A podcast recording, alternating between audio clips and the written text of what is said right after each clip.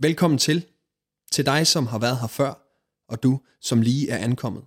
Vi er København Vineyard på Frederiksberg. En kirke med et inderligt ønske om, at du føler dig inkluderet, inspireret og involveret i den rejse, som Gud inviterer os alle sammen med på. Vi håber, at den næste tid med podcasten på Play vækker opmundring, udfordring eller genklang lige der, hvor du er. God fornøjelse. Kristus er opstanden.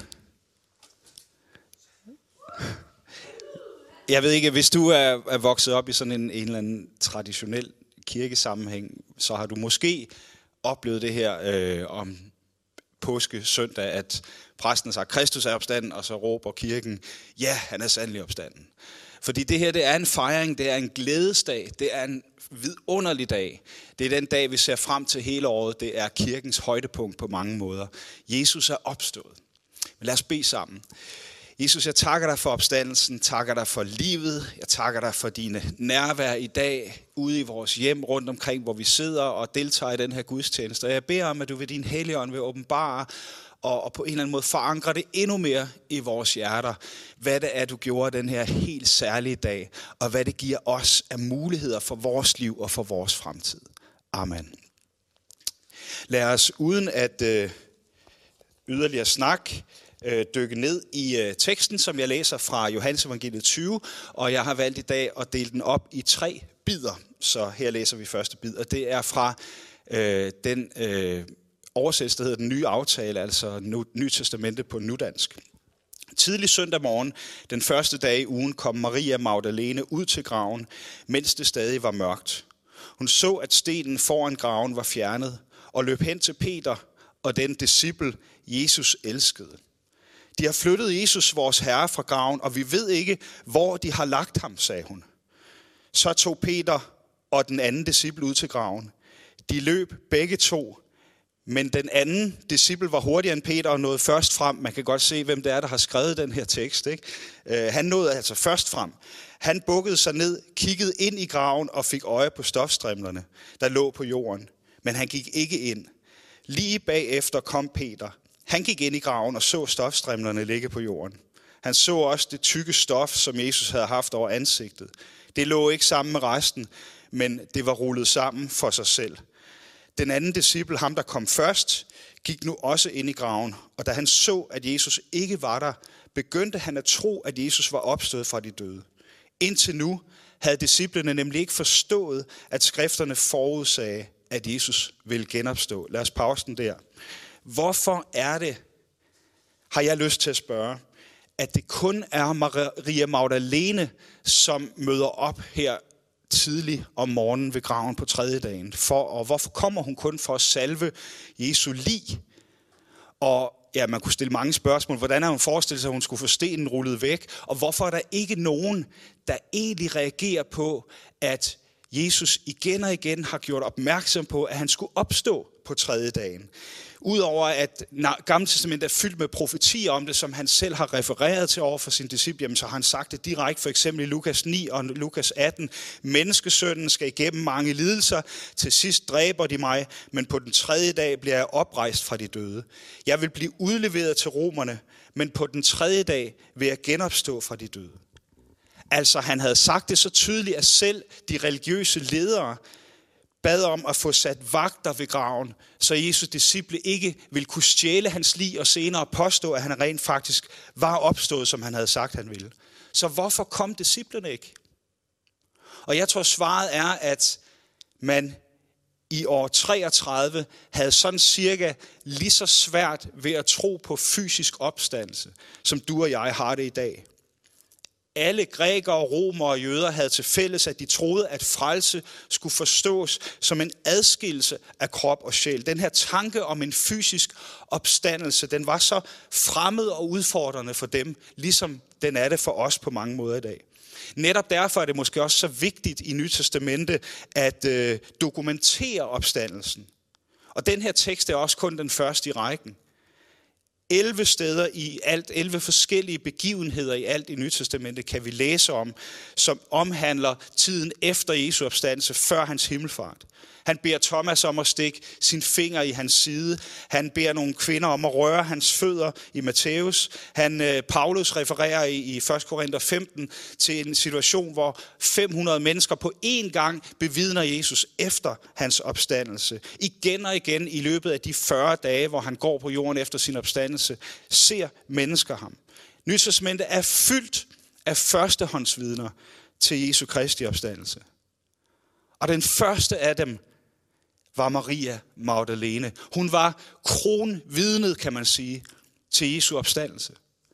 Og hvem er Maria Magdalene? Ja, Maria blev født i byen Magdala ved Genesrets sø, og derfor blev hun kaldt Maria Magdalene. Vi ved om hende, at der står, at Jesus uddrev syv dæmoner fra hende. Og syv er jo et øh, idiom, altså et tal, Øh, som har en symbolsk betydning i Bibelen.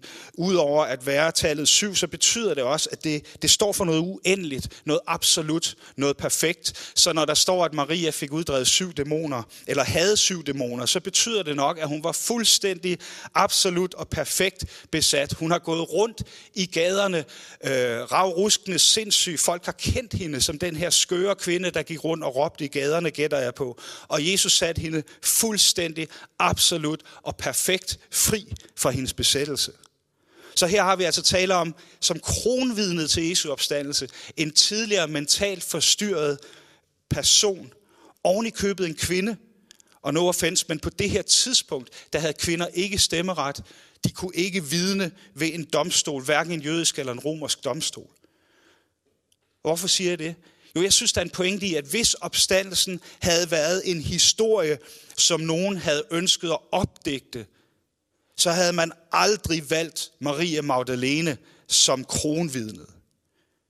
Der kan kun være en årsag, og det er, at det her er en øjenvidende beretning. Formålet er at fortælle historien præcis så nøjagtigt, som den skete. Kristendom giver med andre ord ikke rigtig nogen mening, hvis det bare er en fin idé eller et smukt symbol om, at det gode vinder over det onde, forfølger, vinter osv. Troen har kun kraft til at forandre verden, hvis opstandelsen virkelig skete. C.S. Lewis han siger sådan her, kom ikke til kristendommen, fordi den er spændende, relevant, tilfredsstillende, selvom den er, men kom, fordi den er sand. Hvis du eller jeg bliver ramt af en livstruende sygdom, eller en af vores kære dør, eller du oplever andre tragedier i dit liv, så skal kristendommen være mere end en smuk tanke eller en selvterapeutisk livsstil, ellers så dør din tro. Den kan ikke overleve, hvis den ikke er mere end det. Og København vinder, at vi har tilknyttet mange relevante biord til beskrivelsen af, hvem vi er. Men dybest set, dybest ned, så er vi en gruppe mennesker, der har fundet sammen omkring opstandelsen. Fordi der i ligger kraften, som kan bære os igennem de mørkeste stunder i vores liv. Som kan forandre os, og som igennem os kan forandre verden omkring os. Paulus han siger, uden opstandelsen er vi de ynkeligste af alle mennesker. Lad os læse videre. I vers 10-15 står der sådan her. Så gik de to disciple hjem. Men Maria Magdalene stod ude foran graven og græd. Hun bøjede sig ned og kiggede ind i graven og så to engle klædt i hvidt sidde der, hvor Jesus havde ligget. En ved hans hoved og en ved hans fødder. Hvorfor græder du? spurgte de. Fordi de har fjernet min herre, svarede hun. Og jeg ved ikke, hvor de har gjort af ham. Da hun havde sagt det, vendte hun sig om og så Jesus stå der, men hun var ikke klar over, at det var ham. Jesus sagde til hende, hvorfor græder du? Hvem leder du efter? Hun gik ud fra, at det var gardneren, så hun sagde, hvis det er dig, der har båret ham væk, så fortæl mig, hvor du har lagt ham, så jeg kan hente ham. Maria Magdalene står midt i verdenshistoriens mest skældsættende øjeblik, og hun aner det ikke. Hun er hovedperson til den største begivenhed, men hun tror, at hun bevidner en ulykke. Hun tænker, hvordan kan noget godt overhovedet komme ud af det her? Samtidig med, at hun står omgivet af Jesus og to engle. Prøv lige at tænke over den tanke. En anglikansk biskop og forfatter ved navn Handley Mule siger sådan her, ligesom andre sorgfulde disciple efter hende, tror Maria i sin sorg, at hun er helt alene. Hun indser ikke, at hun har engle foran sig og sin herre bagved sig. Og måske har du også svært ved at genkende Jesus i dit livs sorger og modgang. Måske føler du, at han har svigtet. Måske føler du endda, at han er imod dig. Hvorfor skulle det her ske, Gud? Hvorfor kom jeg ikke ind på den uddannelse, jeg havde håbet? Hvorfor fik jeg ikke den pige, jeg havde troet, jeg skulle have? Eller det job, jeg ventede på? Eller den helbredelse, som jeg synes, du lovede mig? Hvorfor svigter du mig, Gud? Hvis du kan genkende dig selv i de her spørgsmål og den her indre kamp, så tænk på opstandelsen. Vil Gud gå alle de her udmattelser, lidelser, pinsler og redsler igennem for din skyld, for senere at svigte dig? Gud er for dig. Gud er for dig, uanset hvor vanskelig eller håbløs din situation ser ud. Ligesom Maria Magdalene er du lige nu omsluttet af Jesus selv og hans engle i din situation.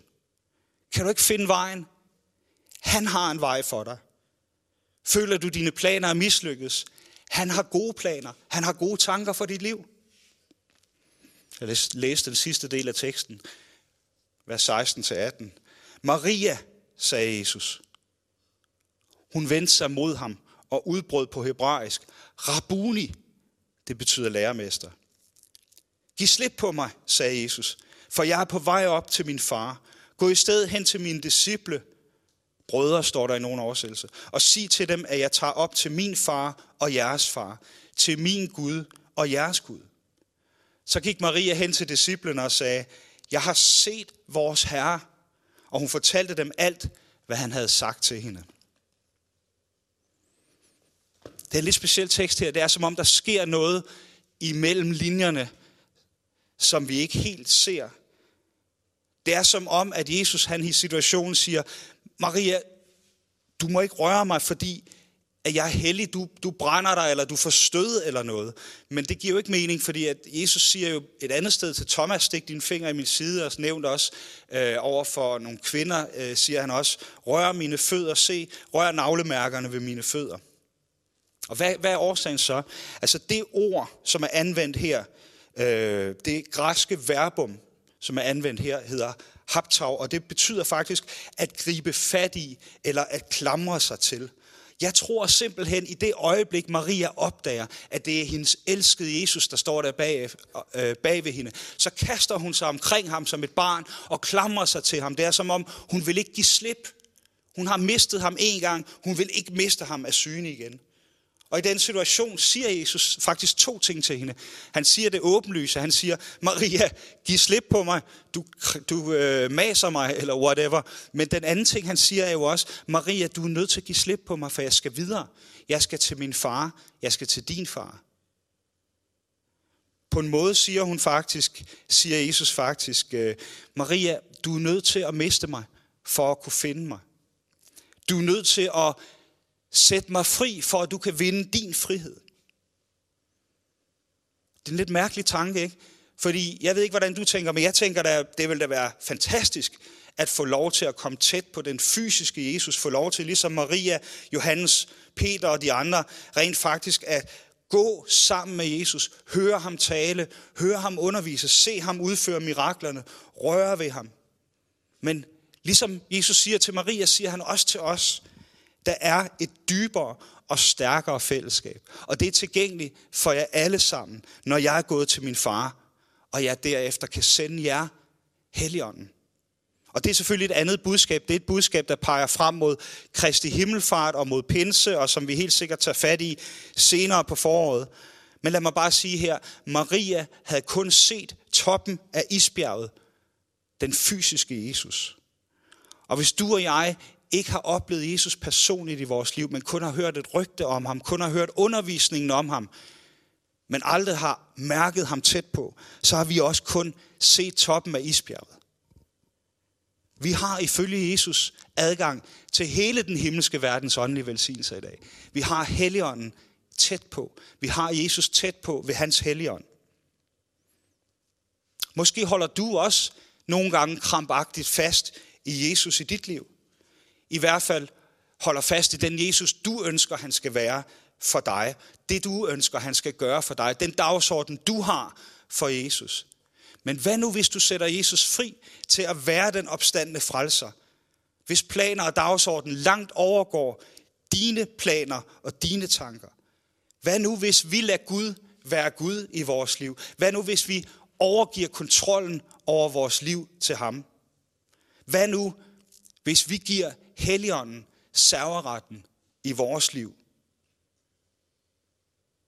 Er kraften i opstandelsen, at vi lader den opstandende frelser møde os på hans præmisser, i stedet for på vores præmisser.